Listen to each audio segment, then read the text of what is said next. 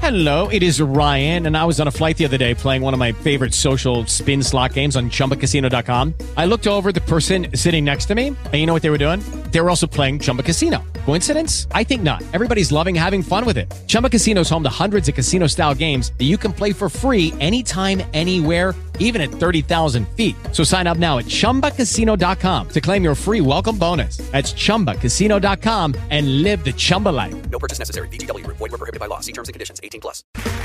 Okay, round two. Name something that's not boring. A laundry? Ooh, a book club. Computer solitaire, huh? Ah, sorry, we were looking for Chumba Casino.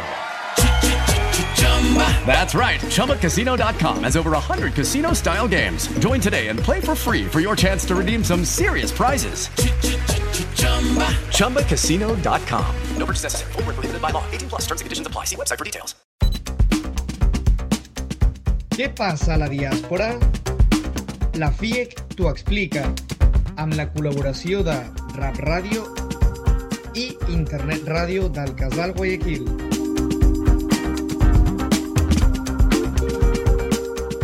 Benvinguts a un nou programa de la FIAC t'ho explica, aquest programa del mes de maig, el segon dilluns de maig, doncs tenim el primer programa del mes de maig, com ja sabeu, ens trobareu a la RAP, Radio Amèrica Barcelona, el segon i el quart dilluns de cada mes. Roser, des de Brussel·les, com ho veiem això? Doncs mira, avui des de Brussel·les tenim el Dia d'Europa. Aquí la meitat del, dels funcionaris fan festa, li diuen Sant Schumann.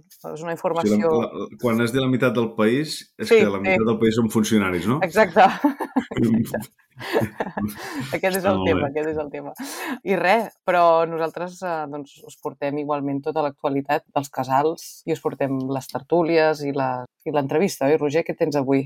Doncs avui entrevistem, recuperarem una entrevista que vam fer amb el Ben Bryce, que és un poliglota, o sigui que parla 7 o 8 idiomes, Mm. entre els quals el català, i és molt curiós com, com va aprendre català, evidentment perquè doncs, la família política doncs, l'ha influenciat, però no ha viscut mai a Catalunya, que aquest és un, un factor que, que em sorprèn molt, i el, Sí. com el fet de no viure a Catalunya i parlar català, mm, i veureu que parla un català mm, perfecte. De Girona, no? De Girona. Mm, Bueno, de Girona. Jo més, aviat, més aviat de Tarragona.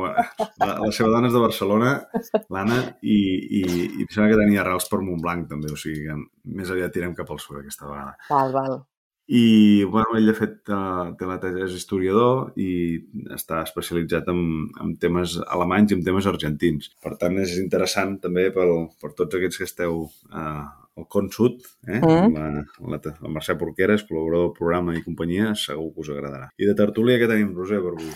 Doncs jo també recupero tertúlia, Roger, perquè uh, avui uh, tornem a portar la Marta Moreso i en Xavier Gómez Oliver. La Marta Moreso està a Basilea i en Xavier Gómez Oliver està a Sud-àfrica, és a dir, que tenim una tertúlia molt repartida en el món. Intercontinental. Intercontinental, exacte, però que he de confessar que molt bé pels horaris, perquè no tenim problemes de fusos horaris diferents. Cuidado, Cert. perquè a vegades pot semblar que algú viu molt lluny, però la llunyania es troba sovint més, eh, la dificultat sempre en els fusos hora- horaris.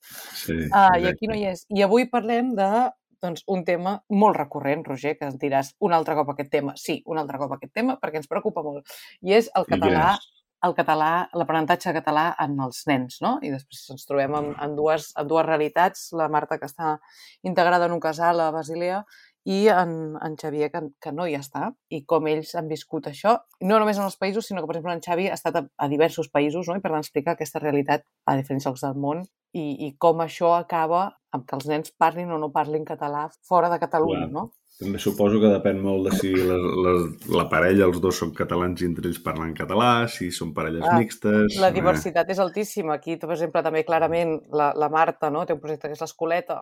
Si, hi ha un, si tens un casal a prop que et fa activitats en català, és una cosa, si no el tens, és n'és una altra, no? Exacte. I com necessitem que les institucions també es posin aquí d'una manera molt més alta, com la mancança del català a internet es fa molt evident a l'exterior, tot això. Cert. Doncs a veure què ens expliquen. Molt bé.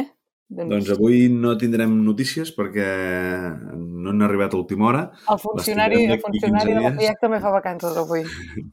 Les tindrem d'aquí 15 dies. De tota manera, teniu el newsletter de la, de la FIAC, que si us connecteu a la pàgina web el podeu llegir. Exacte. I bàsicament explica doncs, bueno, el que va ser el dia de la, dels catalans a l'exterior, com vam comentar a l'anterior programa, el dia 24 de juny, i bueno, la ressaca de Sant Jordi, com veiem, eh, sempre, sempre dura. I tant. Comencem el programa on després de la tertúlia, després de l'entrevista, tindrem el Jordi Gairín, que ens entrevistarà l'Helena Cardús, des de Texas, uh Mhm. -huh. o sigui, de Houston, eh? De... Em sembla que deuen parlar de coses de la NASA. I eh, finalment la Mercè Porqueres, A les activitats, com sempre. les activitats dels casals. Doncs, si et sembla bé, comencem la tertúlia.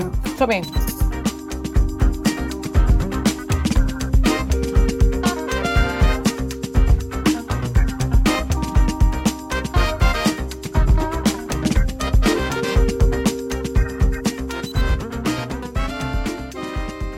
Doncs sí, efectivament, comencem amb la tertúlia d'avui. Avui la volem dedicar a una cosa, si la, el dia passat la dedicàvem a com aprendre la llengua en un país, què passa quan, quan arribem en un país a nivell lingüístic. Avui eh, la preocupació és una altra, que és la preocupació de molts, que és una mica d'inversa. Com preservem el català en els nostres fills, nascuts ja a l'exterior o bé amb fills que arriben també en aquest, en aquest procés de migració. No? Per fer-ho, tenim amb nosaltres a la Marta Moreso, que és educadora infantil des del Casal de Basilea i que té un gran projecte que es diu l'Escoleta. Marta, què tal? Com estem? Hola, bona tarda, com esteu? I també tenim en Xavier Gómez Oliver des de Sud-àfrica, un metge català que ha estat a molts països de l'Àfrica, ara ens ho explicarà, però que actualment està a Sud-àfrica, com ja he dit. Xavier, què tal?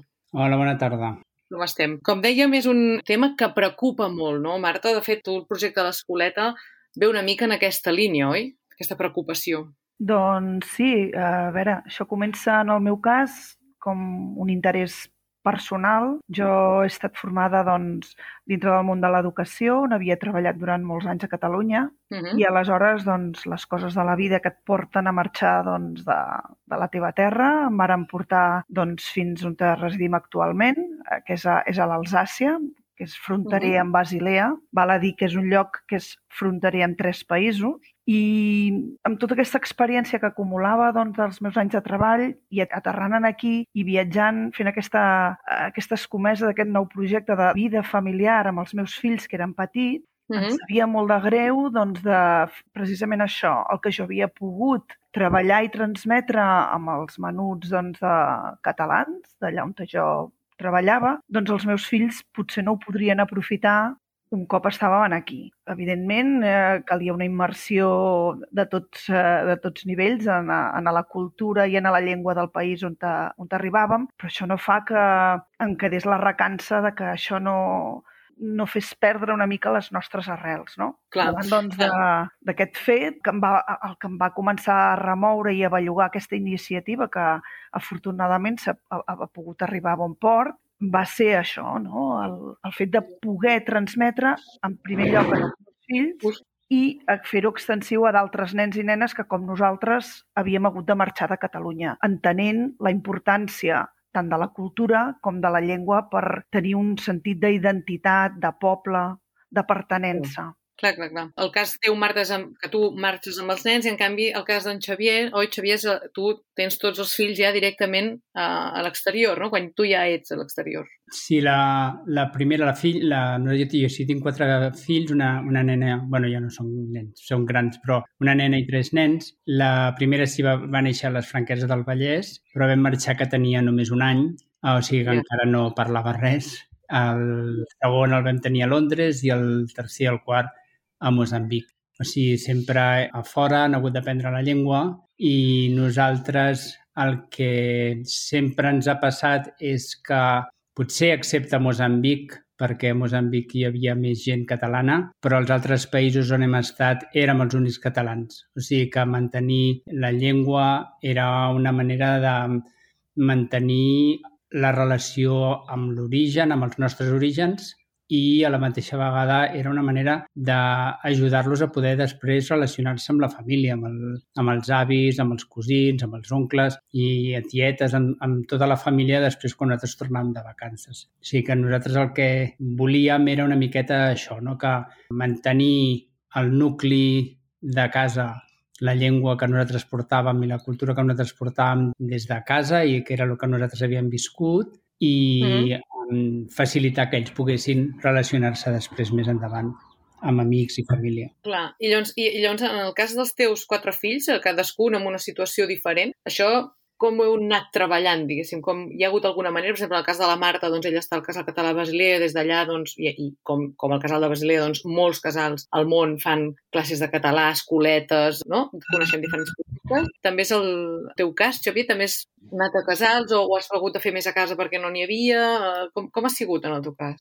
Nosaltres ens hem hagut de fer nosaltres, perquè no, no on hem estat nosaltres eh, no hem tingut mai cap escola um, internacional que estigués a prop i si no, vull dir, no, ens, hem, ens hem hagut d'espavilar. Nosaltres el que hem fet ha sigut doncs, parlar-ho a casa, llegir contes en català en els nens, seguir tot el, eh, vull dir, si hem pogut a, alguns vídeos, si hem pogut el, demanar a la família que ens enviessin coses de Catalunya i amb això hem anat col·leccionant coses que ens han servit a nosaltres per anar-los ensenyant. Però ha sigut més aviat el fet de mantenir a casa el diàleg. Jo el que sí que he fet ha sigut que he sigut molt tossut i la meva dona també, molt, molt tossuts en aquest sentit, de mantenir que quan parlaven amb nosaltres, doncs clar, si estàvem en un país francòfon, la tendència era parlar francès i aleshores a dir, no, no, a casa parlem català. Quan estàvem en un país, a Moçambic, que es parlava portuguès, doncs també la tendència a parlar portuguès, doncs mantenir el català. I en aquí,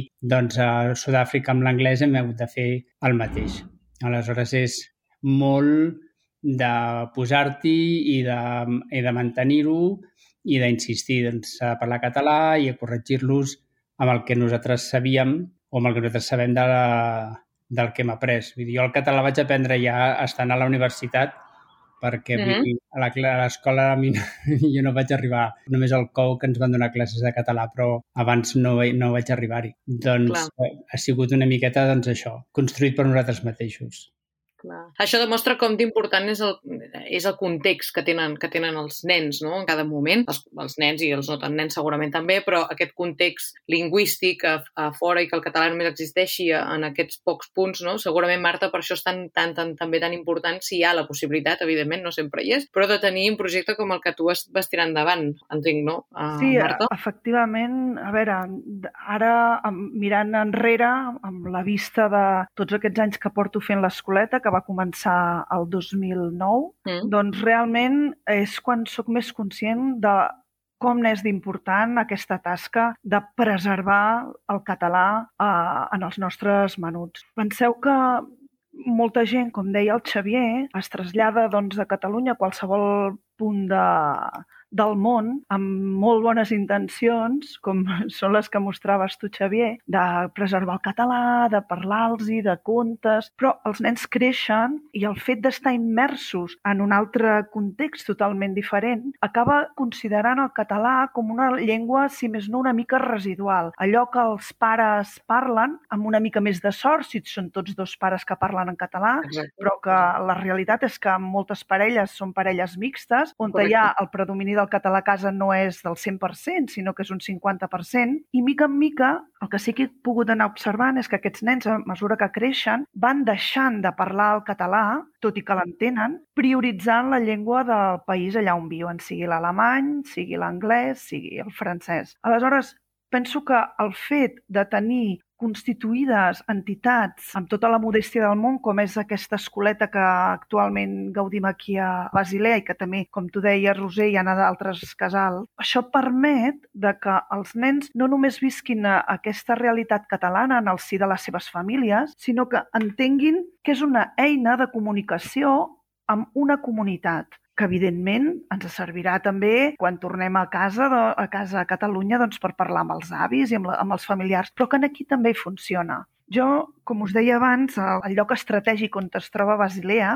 enmig de la, de la regió de l'Etroa Frontier, de les tres fronteres, configuren aquest grup de l'escoleta, igual que el del Centre Català i els seus associats, persones vingudes de tres països. Hi ha gent que són suïssos, els altres són alemanys i els altres són francesos. Per tant, cadascun d'aquests nens que jo puc trobar-me en, una, en una sessió de l'escoleta parlen una llengua diferent en les Mhm. seves escoles i en els carrers dels, dels seus pobles. Però la llengua comuna que tenim quan venim a l'escoleta és només el català. N'hi ha un nen que parla francès, el que parla alemany habitualment no l'entendrà i, i viceversa. Per tant, és important el fet de donar-se que el català és una llengua que serveix, que serveix per expressar-se, que serveix per jugar, que serveix per divertir-se, que serveix, sobretot, per comunicar-se, no, no queda tancada única i exclusivament en l'àmbit familiar. Jo he observat que aquesta realitat eh, succeeix moltes vegades el fet de que els nanos, a mesura que es van fent grans,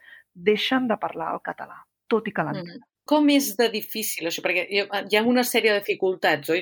Xavier, si vols, eh, te, llenço la pregunta, no? També perquè, evidentment, veus, tu vius en un país, però, evidentment, trobar comptes, no? Tu, Xavier, has dit, fer enviar, m'havia de fer enviar comptes, no? Trobar comptes, trobar materials. Com és important, per exemple, que ara avui en dia se'n parla molt de que hi hagi contingut a internet en català, no només pel català a l'interior, sinó perquè suposo que i entenc que per aquests fills també que viuen, o per tots els que vivim a l'exterior, no? Sí. Una mica. Nosaltres no hem tingut aquesta sort de tenir una escoleta a prop o que algú eh, que ells poguessin anar i conèixer altra gent que parlava català fora de la família. Um, Sí. Això a nosaltres no ens ha passat i és cert que quan estàvem a Ruanda i quan estàvem a Mozambic um, eren ells molt, molt petitons encara i per tant no crec que, que es veiessin o que tinguessin aquesta possibilitat, però com deia la Marta, sí, quan, quan van creixent, els, jo ho he fet més jo, però vull dir, els d'anar-los corregint, de dir a casa parlem català o parleu de català entre vosaltres o intentar doncs, buscar maneres de que trobessin el català divertit, preguntant com es, fa, com es diu això en català, no sé, fent jocs, inventant-me jocs i fent coses, buscant els temes, països, per exemple, o coses que una miqueta anar provocant o fent que, que fent com, una, com petites competicions per veure aviam qui sabia com es deien o com es com s'expressaven les coses en català o això, això ens ho hem hagut d'anar fent nosaltres. Ara que ja som més grans, entre ells es parlen anglès, per exemple, amb aquesta, aquesta batalla l'he perduda. L'internet és tot en anglès. Um, algunes coses potser sí que les veuen en català, però majoritàriament sí, és sí, tot sí. en anglès. I al llegir i a l'escriure, doncs jo el que faig, per exemple, amb, amb el tema dels whatsapps, els missatges, jo normalment els hi contesto primer el seu propi missatge corregit en català correcte i després els hi contesto el que volien saber. Um, Realment és un esforç extra el que s'han d'anar fent a nivell familiar per la preservació del català. Eh? El Clar. que sí que està clar és que tot el que fa referència a l'educació es necessita bona voluntat, com la que tens tu, Xavier, i com la que tenen molts pares, però es necessiten recursos. I això és bàsic i fonamental. Vull dir, no podem vi viure dintre d'una utopia de dir, bé, amb la bona voluntat tot, tot ho farem. No. A veure, per construir una, una societat més justa eh, a nivell cultural també i sobretot per les comunitats a l'exterior, necessitem, i és bàsic, els recursos. Recursos online, recursos materials, recursos econòmics. No n'hi ha prou amb la bona voluntat que tenen els centres catalans i o que tenen les famílies a nivell particular per tirar endavant tots aquests projectes. N'hi ha molt poca cosa. Preguntaves, Roser, que com ens ho fèiem amb els contes i tot això. Exacte. Doncs jo, aprofitant cada vegada que sé que baixa algú a Catalunya per dir-li puja'm això, puja'm allò, intentant trucar fins i tot a entitats com a Cavall Fort o editorials per veure si ens poden enviar continguts per poder-ho aprofitar, però és esgotador. És esgotador, vull dir, cada vegada que intentes posar fil a l'agulla a un projecte, veure't amb aquesta mancança de, de, de recursos. Les ajudes institucionals haurien de ser o han de ser bàsiques. Necessitem Clar. ajudes per promoure el català per als nostres infants fora de, del territori català. És bàsic. Podem veure que molts centres catalans es basen bàsicament en la, en la bona voluntat de la gent, però no n'hi ha prou. No n'hi ha No, prou. i a més, això fa, a més a més, Marta, que o sigui, un projecte com el teu, no, si no està dotat, depèn exclusivament de la teva bona voluntat. Al final, Depèn no? de la meva bona voluntat i, I a vegades amb bona voluntat tampoc tampoc n'hi ha prou perquè també necessites per donar-li contingut una formació específica. Sapiguem el que estàs treballant. Igual que no faràs arreglar un cotxe per un peixater, no? Vull dir, cadascú hem de professionalitzar també eh, aquest, aquesta tasca. Aleshores, la meva demanda sempre és la mateixa quan tinc oportunitat de parlar amb algú o amb algunes institucions o ara que ens ofereixes aquesta oportunitat de, de posar el micròfon al davant. Necessitem ajuts. Penseu que qualsevol de nen o nena que surti del territori català i se'n vagi a l'exterior té dret gratuïtament a aprendre l'espanyol. Aquí, en, el, en els meus, alguns dels meus alumnes estan Sí. anant a cursos doncs, de- d'espanyol doncs, gratuït, pagat per l'estat espanyol. Són gratuïts. El català és dificilíssim de trobar qualsevol lloc on portar els nostres fills per aprendre el català i si ho fas, o depens d'aquesta bona voluntat que parlàvem, o bé Mm. has de pagar-los. Aquí, una vegada més, eh, ens trobem davant de la injustícia no? de, la, de les llengües, que Totalment. aparentment som igualitàries i estem veient de que això no, no és així en absolut. O sigui, estem lluitant davant d'un mur eh? que, que, que no, no, no, podem, no podem fer front a, a una igualitat eh, lingüística eh, tinguent en compte aquestes mancances. No hi ha ni gent formada per fer-ho, perquè no hi ha els recursos tampoc per tirar-ho endavant. Ja per acabar, uh, si us sembla, només una última pregunta, Xavier, perquè m'interessa, volia preguntar-te, tu que has estat a diferents països, la dificultat o l'avantatge ha sigut sempre la mateixa? O t'has trobat amb més o menys dificultat en funció del país? No, dificultat no. Sempre, o sigui, perquè és el que et dic, que nosaltres hem estat sempre a dintre de casa. O sigui, fora de casa no hem trobat res, mm, vull dir, Ja. com, diu, com diu la Marta, vull dir, no hi ha absolutament res en català. I Mhm. fins i tot quan hem estat fora, diguem, a, a Londres o quan hem estat als Estats Units, els grups o d'això que hem trobat és sempre mm, com voluntaris o com gent que, que això que diu ella de bona voluntat, doncs Perdona, intentat... només incís, un incís només. A Londres, justament, hi ha, un, hi ha l'escola catalana, Sí, però fa, fa. 3 o 4 anys. vull dir que tres quatre funciona i sé que funciona bastant bé i tenen molts, molts de nens, eh? Sí, sí, però fa, fa molt poquet que hi és, fa 3 o 4 anys just. Vull dir que en Xavier no crec que la... No, que jo la... vaig ser allà fa 20 anys, no? no. No, però vull dir que no, fins i tot, fins i tot en aquí a Johannesburg i hem intentat, perquè hem conegut alguna gent catalana, intentat a veure aviam si hi havia res i no, vull dir, és el que dius, pel francès sí, per l'espanyol també, i si vas a l'ambaixada hi ha totes les propagandes per classes en castellà i per tot arreu. exacte. si vols fer espanyol fins i tot en aquí com a segon, segona llengua um, a l'escola pots fer-ho. Amb totes aquestes coses, aquestes facilitats hi són. Pel català no hi ha res. Vull dir, no, o com a mínim no hem sapigut trobar res. No és el mateix, vamos, la Marta té en aquest sentit tot, tot el suport eh, que per part nostra, però vull dir que no, no hem trobat res ni hem, ni hem Ja. pogut fer res oficial o amb gent formada o, o res, tot ha sigut voluntat a casa. Bé, uh, ja, ja, ja toquem els 20 minuts. Sempre se'ns fa molt curta aquesta tertúlia. Ens quedem amb el missatge de que necessitem més recursos, això està Sí, clar. sí, sí, sí. tot, i que, tot i que crec que tots els catalans de l'exterior que us puguin uh, estar escoltant segur que us agraeixen el vostre esforç personal que heu fet, eh? I amb això també ens hi quedem. O sigui que també gràcies per aquest esforç, però gràcies per haver-nos-ho explicat avui aquí a, a la FIAC t'ho explica. Marta, Xavier, us convidarem un altre dia perquè això és molt interessant, d'acord? Gràcies també per donar-nos l'oportunitat de, de donar-nos a conèixer una miqueta més, Roser. Molt bé, a vosaltres per participar. Fins la propera! Fins la propera. Adéu, gràcies.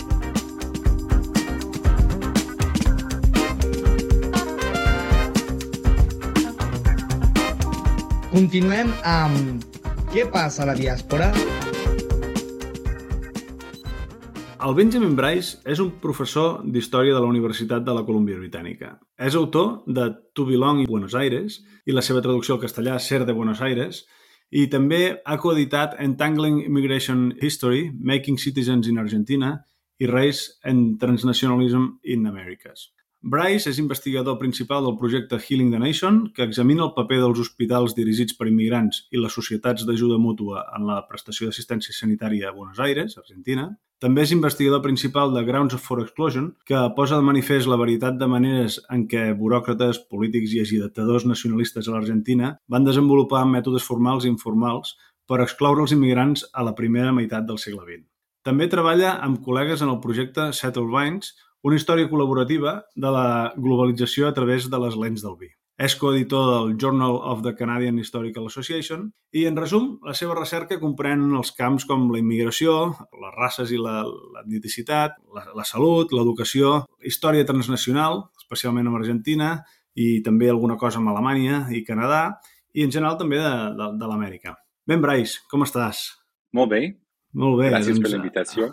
Em fa molta il·lusió tenir aquí un, un canadenc que parla català i que, a més a més, no sé si has viscut mai a Catalunya de forma estable. Em sembla que no, no? De forma estable, no. Vaig passar un estiu, tres mesos, fa 15 anys, i després fa uns 3 o 4 anys vaig passar 7 setmanes um, i això és tot. O sigui que la relació, la relació amb el català és més... metro. És únicament una mica familiar i, i prou, no? O sigui, és realment sentir gent així com, com parla català tan lluny sense haver tingut un contacte tan directe amb, la, amb Catalunya és, és, és, és molt curiós, és molt curiós. Per tant, és benvingut en aquesta entrevista perquè busco gent com tu. La primera pregunta que et volia fer eh, la, te la faig relativa al coneixement d'idiomes. Vas fer la tesi doctoral tractant temes de relació entre Alemanya i Canadà, per tant saps alemany, Uh, saps castellà perfectament, perquè t'he escoltat alguna vegada en castellà i realment és excel·lent. I a més a més l'anglès i el francès com a canadenc. I el català, ja veureu, també és espectacular. En parles algun més? Um, vaig fer un curs de portuguès i un curs d'italià, però no. Avui en dia, quan, quan, quan vull parlar italià, parlo una mica de, de català barrejat amb italià i castellà. Doncs, realment, això, aquest cinc i, i prou. Molt bé. És més fàcil aprendre idiomes amb experiència políglota com la teva o creus que això provoca que barregis un idioma amb un altre? No, en general no barrejo, barrejo una mica el castellà amb el català perquè no, no domino el català al nivell suficient. Um, però definitivament la raó per la, per la que parlo català és perquè ja parlava castellà i francès abans de començar amb el català. I això va ajudar, molt amb vocabulari, però també en com saber aprendre una llengua, que una, una, un cop que una persona sap com a poc a poc descifrar una llengua, ja és més fàcil enfrontar una altra llengua. Una, una cosa és entendre-la, no? Però la gent es queixa molt a vegades. La, jo entenc el català, dic, però, però perdre la por a parlar-lo com, com l'has perdut la por parlar català? Perquè sabent castellà moltes vegades hi ha aquest problema doncs, de que com que ja m'entenen, jo l'entenc entenc el català però no cal que el parli, no? Com t'has llançat a parlar català? Quina motivació has ah, tingut? Uh, justament justament m'he llançat, uh, que pot ser que tenia una relació durant, no, no sé, cinc anys que parlava una mica, entendia, Uh, tinc, la meva dona és catalana, doncs hem anat a, a Catalunya moltes vegades, i en, des, després d'un temps podia entendre, entendre la, les convers, converses amb la seva família, però jo sempre parlava castellà, doncs sempre utilitzava el, el català, el castellà per parlar amb, amb els catalans. Lucky Land Casino asking people what's the weirdest place you've gotten lucky? Lucky? In line at the deli, I guess? Aha, in my dentist's office. More than once, actually. Do I have to say? Yes, you do. In the car before my kids' PTA meeting. Really? Yes. Excuse me, what's the weirdest place you've gotten lucky? I never win and tell. Well, there you have it. You can get lucky anywhere playing at LuckyLandSlots.com. Play for free right now. Are you feeling lucky? No purchase necessary. Void where prohibited by law. 18 plus. Terms and conditions apply. See website for details. I jo crec que vaig arribar un, va arribar un moment, després d'uns 5 anys, fa 10 anys, el 2010 més o menys, mm. que he decidit llançar-me i parlar malament català, català amb la gent que volia, que preferia per, per motius, diguéssim, catalanistes d'alguna manera, sí. a, a, a posar el projecte lingüística, lingüístic de, de Catalunya i doncs practicant amb aquesta gent a l'inici, després a poc a poc uh, amb una, en la, a una botiga una cosa així, vaig, vaig, vaig ampliar la, la gent amb, amb qui començava una, la conversa en català. Molt bé, o sigui, és allò de la gent que et parla amb tu, allò de no em canvis la llengua, que en diuen avui dia, et va, et va ser més fàcil per, per aprendre l'idioma, no? Exacte, aquesta gent uh, era essencial en aquest com començament de parlar cata uh, català i després podia, després amb la gent que tenia altres perspectives lingüístiques, uh, també parlar català amb, amb ells. Molt bé, moltes gràcies per la, per la teva experiència amb, l'aprenentatge de l'idioma. Parlem ara una mica d'Amèrica, perquè és la teva especialitat i realment eh, quan parlo amb un historiador que coneix bé Amèrica, eh, a mi m'apassiona. Perquè una part molt important és la immigració que ha patit o ha tingut tant Amèrica del Nord com Amèrica Llatina els darrers segles, no? Sempre hi ha hagut aquest conflicte polític de voler versionar de maneres diferents què ha sigut o què ha suposat la colonització d'Amèrica. Ha sigut un descobriment, ha sigut una invasió, ha sigut una exploració buscant doncs, com arribar a les espècies de, del continent asiàtic. Com ho veieu això els historiadors? Fes-me una mica de, de resum. Això és una bona pregunta i avui en dia és una cosa que continua eh, el, diguéssim, els debats o el discurs públic sobre eh, com les obligacions o les relacions avui en dia entre grups indígenes i, i per exemple, l'estat canadenc o l'estat argentí. Eh, però també en Europa continua aquesta conversa sobre, sobre aquesta història.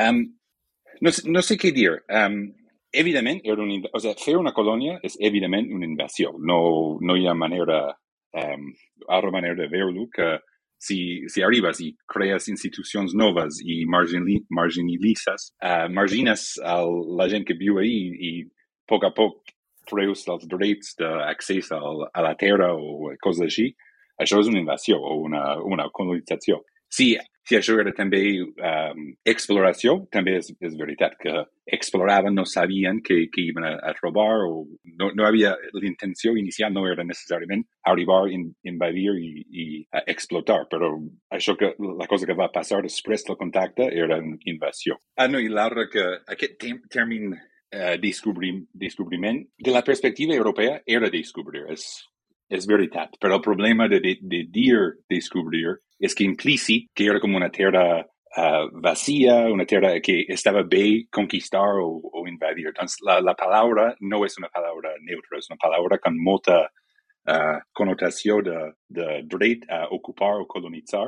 i per, uh -huh. per això jo crec que el terme, la paraula avui en dia s'ha tornat una cosa polèmica i la gent que, que rechaça aquest, aquesta paraula uh, està dient que mira el, el, el significat de, de l'idea de descobrir. I per això hi ha, hi ha aquest, aquest conflicte.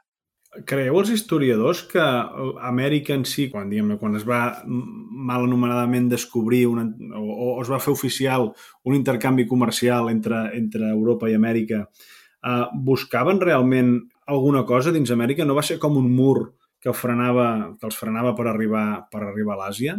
És a dir, veient que doncs, el, el, totes les, les exploracions que es van fer es van fer més per mar, per la costa, diguem-ne, buscant el pas del nord i buscant el pas del sud, que no pas a dintre la Terra, no? a dins, dins, dins l'Amèrica profunda, diguem-ne. Um, doncs això és veritat que han arribat, van arribar per, pel mar i no, no van entrar molt a dins de, del continent en diversos, diversos sentits, no? Um, per exemple, però, per exemple, 20 anys després d'arribar a, a Cuba i, i um, Santo Domingo, en aquesta zona, ja hi havia una, una presència colonial. Doncs no, no és que mar i terra són com dos versions diferents de colonització, mm. sinó que és el mateix, que no, no han, de, han, han pogut arribar 100 quilòmetres a dintre o 200 quilòmetres a dintre i això és conquistar tota una illa. I el mateix en Mèxic, que la conquista espanyola de, dels azteques uh, era, han vingut pel mar, però i després van entrar a la terra i no era molt lluny de la, de, de la costa fins a Tenochtitlan, de la ciutat de México, um, però doncs, van, van anar junts. Doncs 30 anys després de uh, saber que existia, ja havien derrumbat un, un imperi um, indígena, en aquest, en aquest cas uh, uh, azteca. Um, doncs això, la, la, com la, aquesta separació de, d'intenció o només pas, passar per la costa, doncs passant per la costa han invadit terres interiors, diguéssim.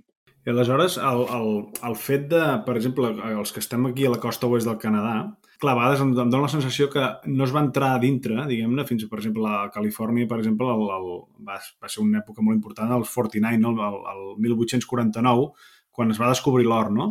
És a dir, l'exploració o l'invasió interna d'Amèrica creus que va ser realment per matèries primes que van, per matèries primeres que van començar a veure que eren importants, tant a la plata argentina com, com l'or aquí a la zona, a la zona oest del, del Canadà i, de, i d'Estats Units? Creus que va ser l'única raó que va portar doncs, a establir colònies i comunitats ja per crear grans ciutats? Um, jo crec que, que sí, que, um, però Amèrica és, un, és una zona molt gran, és un continent molt gran, i no tot, tota Amèrica uh, va experimentar la, aquesta colonització uh, en el mateix moment. Doncs, per exemple, uh, gent que vivia a, a la zona de, de la Ciutat de México, gent que vivia en la, la zona uh, costal, de la costa o un poc a l'interior de Perú, van tenir un contacte així al, al, al segle XVI. I després la gent a Califòrnia va tenir molt poc contacte amb, amb europeus um, al, en aquest moment i tampoc al segle XVII i és només al final de l'època, diguéssim, colonial de, de, de la perspectiva espanyola mm que altres zones van entrar en aquest imperi, diguéssim, espanyol. I uh, zones com Nebraska o zones com Manitoba en l'interior de Nord-Amèrica no van tenir contacte profunda, uh, o sigui, va haver una mica de relacions comercials, però molt, molt poc, fins al segle, segle XIX. Hi ha el mateix en, en Sud-amèrica, que, per exemple, la, la gent que vivia en, en, avui en dia al que és Perú tenien contacte durant molt de temps, però la gent que vivia en, en, en el sur, en Patagònia, una cosa així, mm. uh, no era la, en el mateix moment. Doncs, a poc a poc, la, les, els interessos europeus van expandir uh, les regions on van tenir contacte o interès en, en extraer materials. Um, al, al inici, en el cas espanyol, és plata i, i or, um, i a poc a poc això va canviant a sucre i, i més en el segle XIX, trigo i uh, blat, um, coses així, uh, però uh, no la paraula imperio, però la, la presencia europea o la invasió europea en, en zones indígenes o zones controlades per indígenes, um, que generalment seguia un interès econòmic, que era um, salmó en aquesta zona, per exemple. L'arribada d'europeus era per extraer salmó. En, en cada regió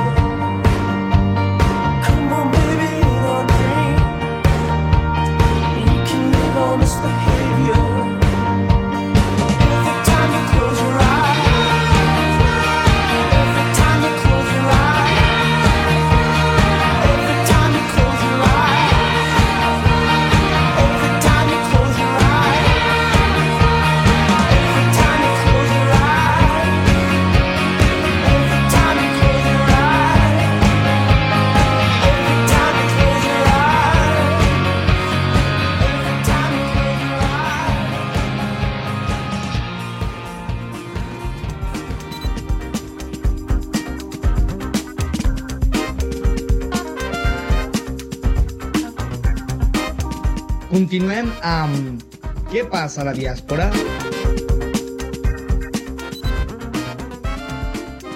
Bona tarda, Roser. Bona tarda, Roger. Avui ens en anem, doncs mira, en aquest país encara no l'havíem tocat, ens en anem als Estats Units, concretament a Texas, a Houston. Estem aquí amb l'Helena Cardús. L'Helena és l'actual presidenta de l'AICS, l'American Institute of Catalonian Studies. Què tal, Helena, com estàs? Bona tarda. Ho he dit bé, eh, el nom? The American Institute for Catalan Studies. Ok, molt bé. Doncs escolta'm, Helena, un plaer tenir-te aquí. Escolta'm, explica'm una miqueta com és que hi ha un casal a Houston. Uh, qui el va fundar? Quan es va fundar? Què hi fan els catalans aquí? Sí, um, l'AICS es va fundar el 1979 pels meus pares, en David Cardús i na Francesca Ribas, amb l'objectiu de donar a conèixer al poble americà la riquesa de la cultura catalana. Objectiu que es va aconseguir amb publicacions pròpies com el butlletí Catalonia Today i diverses publicacions originals d'obres catalanes com Incerta Glòria i The Catalan People and Its Nation. El govern americà, a petició de la X, va fer diverses proclames certificant el 11 de setembre Catalonia Day i el 23 d'abril Books and Roses World Heritage Day. El nostre casal compta amb una gran quantitat de publicacions i traduccions de novel·les, butlletins, revistes catalanes que s'exposen a les fires de Sant Jordi Rose and Book Festivals cada any. La X també ha acollit diversos festivals de música catalana i art català i lectures d'historiadors catalans a múltiples universitats i centres cívics de Texas. Molt bé, escolta'm, Helena, tot això m'has dit que ho va fundar-ho els teus pares. Com és que els teus pares van anar a parar a Houston l'any 79 o abans? Perquè m'imagino que no va ser arribar i fundar el casal. No, no, va ser als anys 60 i el meu pare va anar invitat per la NASA a fer tot el que serien els estudis als astronautes amb l'ambient de l'espai, on no hi havia cap gravetat, i llavors ell era el metge dels astronautes. Ostres, que interessant, no? És a dir, el teu pare va, va conèixer a uh, tots aquests, el Neil Armstrong i tots, tots aquests que van fer les missions Apolos i tots aquests, no? Tots aquests. I, de fet, els va conèixer a Los Alamos, New Mexico, quan es feien les proves els que serien els pilots que van trencar la barrera del so. Ostres, molt interessant. I resultes d'això es van quedar els teus pares i van fundar el casal català, per dir-ho d'una manera. Molt bé. De fet, va ser el primer casal de Nord-Amèrica amb un objectiu social i cultural. Molt bé. Escolta, i, i ara actualment el perfil dels socis, quins socis eh, teniu? Quants socis sou i quin perfil? És a dir, són encara descendents d'aquests primers pioners, com és el teu cas, o hi ha nova immigració, nous catalans que arriben, parelles joves o parelles mixtes? Quin és sí. el perfil? Parlaré des del punt de vista de la Junta, de la FIEC, de la X. Avui en dia, eh, la nostra Junta és una reflexió dels nostres membres està fundada per representants de diferents èpoques i projectes contemporanis. Jo sóc la presidenta i la meva col·laboradora, la Maite Duarte, és la vicepresidenta i editora de la nostra revista Catalonia Magazine. També tenim representants, fills de catalans, que són professors de diverses universitats i centres mèdics de Houston, com són la professora Helena Oliver, en doctor Jordi del Clos, en James Miranda, cofundador de la penya de Houston, i la professora Montse Feu. La nostra junta també inclou a catalans que formen part del nostre teixit i fa pocs anys que són aquí, com el Víctor Valenchek, president de la nostra penya, la professora Paula Roma Redon i el nostre tesorer, el catalanòfil Mike Siegel. Alguns altres catalans destacats de Houston, recentment arribats, són el cuiner del restaurant MAD, Mar, el Josep Berenguer i la seva dona, la Montse Cortijo, que reuneixen el grup de catalans per diverses celebracions amb dinars típics de la nostra terra. Molt bé, molt bé. Veig que teniu un bon ventall de representants. Escolta, i quines són les principals activitats? Has dit, eh, has comentat que fèieu moltes publicacions. Sí, de primera mà que teniu una revista que és una meravella, que és la Catalònia, però quines altres activitats feu, les, les, les principals activitats del casal? Bueno, deixa'm parlar una mica del nostre casal. El 2013 es va crear la revista Catalònia per donar a conèixer Catalunya en tots els seus àmbits, fora i dins del país. Catalonia Magazine és una publicació trimestral en anglès i català, distribuïda als Estats Units i també a les biblioteques i universitats principals de Nord-Amèrica. El 2016, la X va fundar la penya blaugrana als Houston Culers, una de les penyes més actives que reuneix a catalans i catalanòfils a Houston. I durant l'aturada de Covid, vàrem dissenyar i promoure una nova dinàmica amb l'eslògan «L'esport ens uneix, la cultura ens defineix», unint els amants del futbol i d'altres esports amb els amants de la cultura popular virtualment. Molt bé. També, I... Jordi, el podria explicar una mica que tenim diverses col·laboracions amb altres entitats. Uh, la X va ser membre fundador de la FIEC i ha servit d'enllaç a Amèrica del Nord durant més de 20 anys celebrant i fent promoció del Dia de la Catalunya Exterior, el 24 d'abril, i també fent les traduccions a l'anglès relevants de les publicacions en les xarxes de la FIEC. A més de tenir convenis amb organismes cívics locals com el Greater Houston Partnership i el Centre Grec de Houston i la dinàmica comunitat d'empreses de Houston, la X té una estreta col·laboració amb ADIFOL i les seves federacions i servint com a representants de les seves activitats a Nord-Amèrica, fem la traducció a l'anglès i la promoció de les pàgines web i, publicacions a les seves xarxes. El Satge divers de Texas ofereix una gran varietat de llocs per acollir festivals internacionals, i el seu clima temprat durant la primavera i tardor ofereixen una multitud d'opcions per fer festivals a l'aire lliure. Molt bé, Helena. Escolta'm, jo sé que el Sant Jordi també el celebreu, eh? Com ho feu, això? Aquest és un dels nostres projectes eh, molt importants per aquest any. De fet, nosaltres hem celebrat el Sant Jordi des de fa més de 20 anys i compartim amb aquests Sant Jordis una gran quantitat de publicacions, traduccions, butlletins, revistes catalanes que exposem al Sant Jordi's Rosenbook Fair Days. I els últims tres anys ho hem fet a Barnes Noble, una cadena molt important aquí als Estats Units.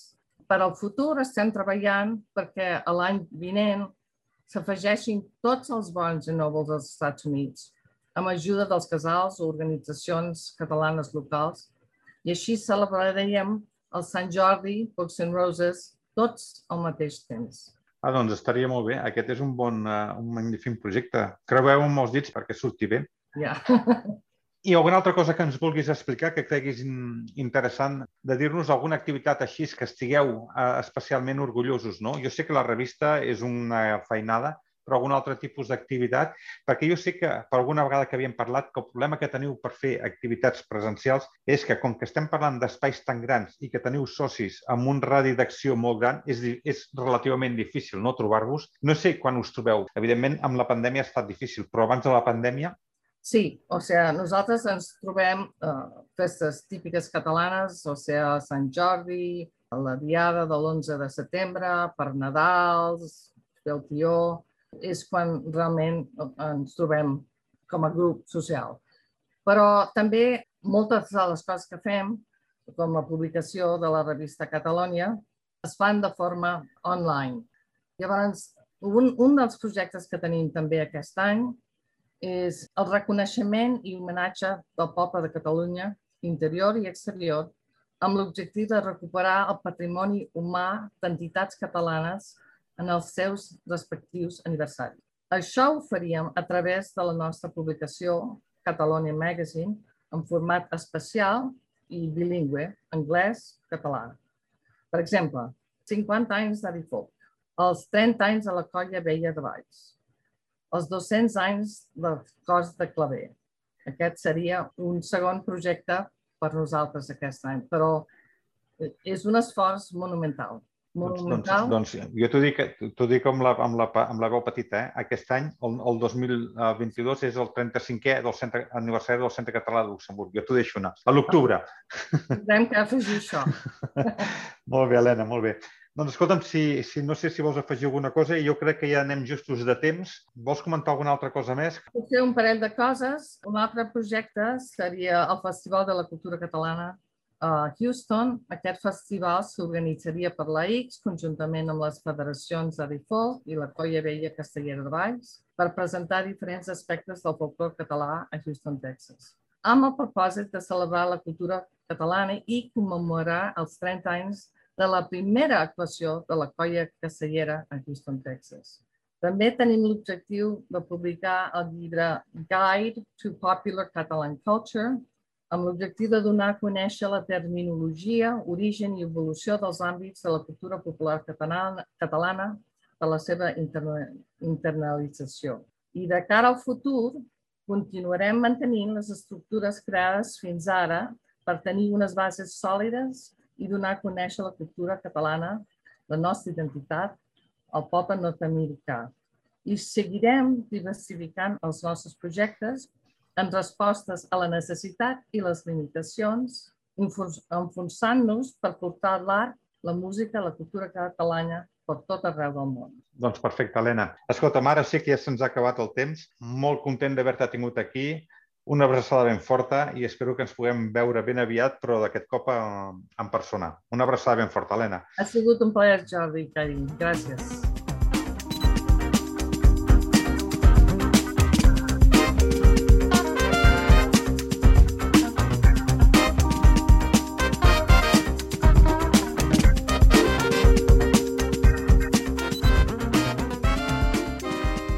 Bon temps a tot arreu, companys i companyes.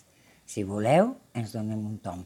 Els casals d'arreu ofereixen moltes propostes culturals.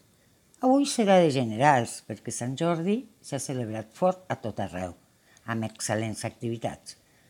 Tot i continuen, perquè el Centre Català de Kansai, Japó i el Casal de Catalunya de Paranà a l'Argentina inviten plegats a visitar l'exposició virtual de fotografies Solidaritat, convocada per Sant Jordi 22. Les vereu als Facebook cccansai.cat i Catalunya Paranà. I una novetat molt interessant, l'obra cultural catalana de Buenos Aires, de gran trajectòria, lliure en guarda la importantíssima Biblioteca Fiballés Ceres al Casal dels Països Catalans de la Plata a l'Argentina. I si us agrada cantar, els casals estan convocant veus per integrar les seves corals i també molts d'ells han reprès les seves trobades presencials de puntaires. Informa't i participa-hi. També hi tenim cinema, cineclubs als casals. A Guayaquil, Equador, els dimarts. Casal Català de Córdoba, Argentina, dijous. L'Orfeo de Mèxic, dissabte 14, tindrà treballs dels estudiants de l'Escola de Cinema de Barcelona. I Casal Quito, també la seva programació serà per a diumenge 15. Tot dos quinzenals i amb tertúlia amb els directors. Consulteu la seva programació a les seves xarxes. Casal en xarxa, dimarts a les 23 hores CAT. Qui són? Una proposta per conèixer-nos. Demà tindrem amb nosaltres en Joan Josep de la Llera, català resident a la República Dominicana. I els dijous, punt de trobada. El 19 de maig, Clara Ponsatí i Ubiols. 11 de la nit de Catalunya i la Unió Europea. I per a la mainada, els diumenges. També quinzenal, xocolata i contes, amb l'Àngel Davant, Noé Ria, Núria Coe, i el proper programa serà diumenge dia 22. I si d'emocions i emissions radials parlem, Ràdio Catalunya Itàlia, cada dimarts a les 9 del vespre de la Unió Europea, amb Rafael Hidalgo i Laia de Luca. El Casal de Buenos Aires presenta cada dimecres Catalunya Avui, entrevistes. I, és clar, Ràdio Amèrica Barcelona és una excel·lent opció cada dia. rap.cat. Ofereix una àmplia programació que vincula la diàspora catalana al món i ara en diferents plataformes. I si voleu aprendre o practicar el català, entreu a les xarxes de les entitats que vulgueu. Podeu trobar de presencials i de virtuals. I recordeu, parla català, obre portes. Bé, amics i amigues, això és tot per avui. Cuideu-vos i fins a la propera.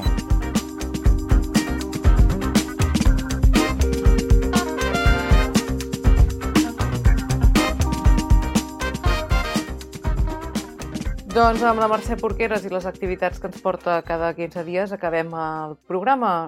Uh, Roger, ho deixem aquí per avui, però ens trobem d'aquí 15 dies. Doncs ens trobem d'aquí 15 dies amb més actualitat de, les, de la diàspora catalana a l'exterior, del que fem els catalans que vivim fora de Catalunya. Amèrica, Europa, Àfrica, Oceania i Àsia, no me'n vull deixar cap.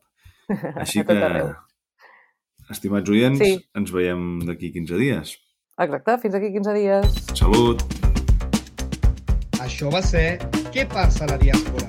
Un programa de la FIEC amb la col·laboració de Rap Ràdio i Internet Ràdio del Casal Guayaquil.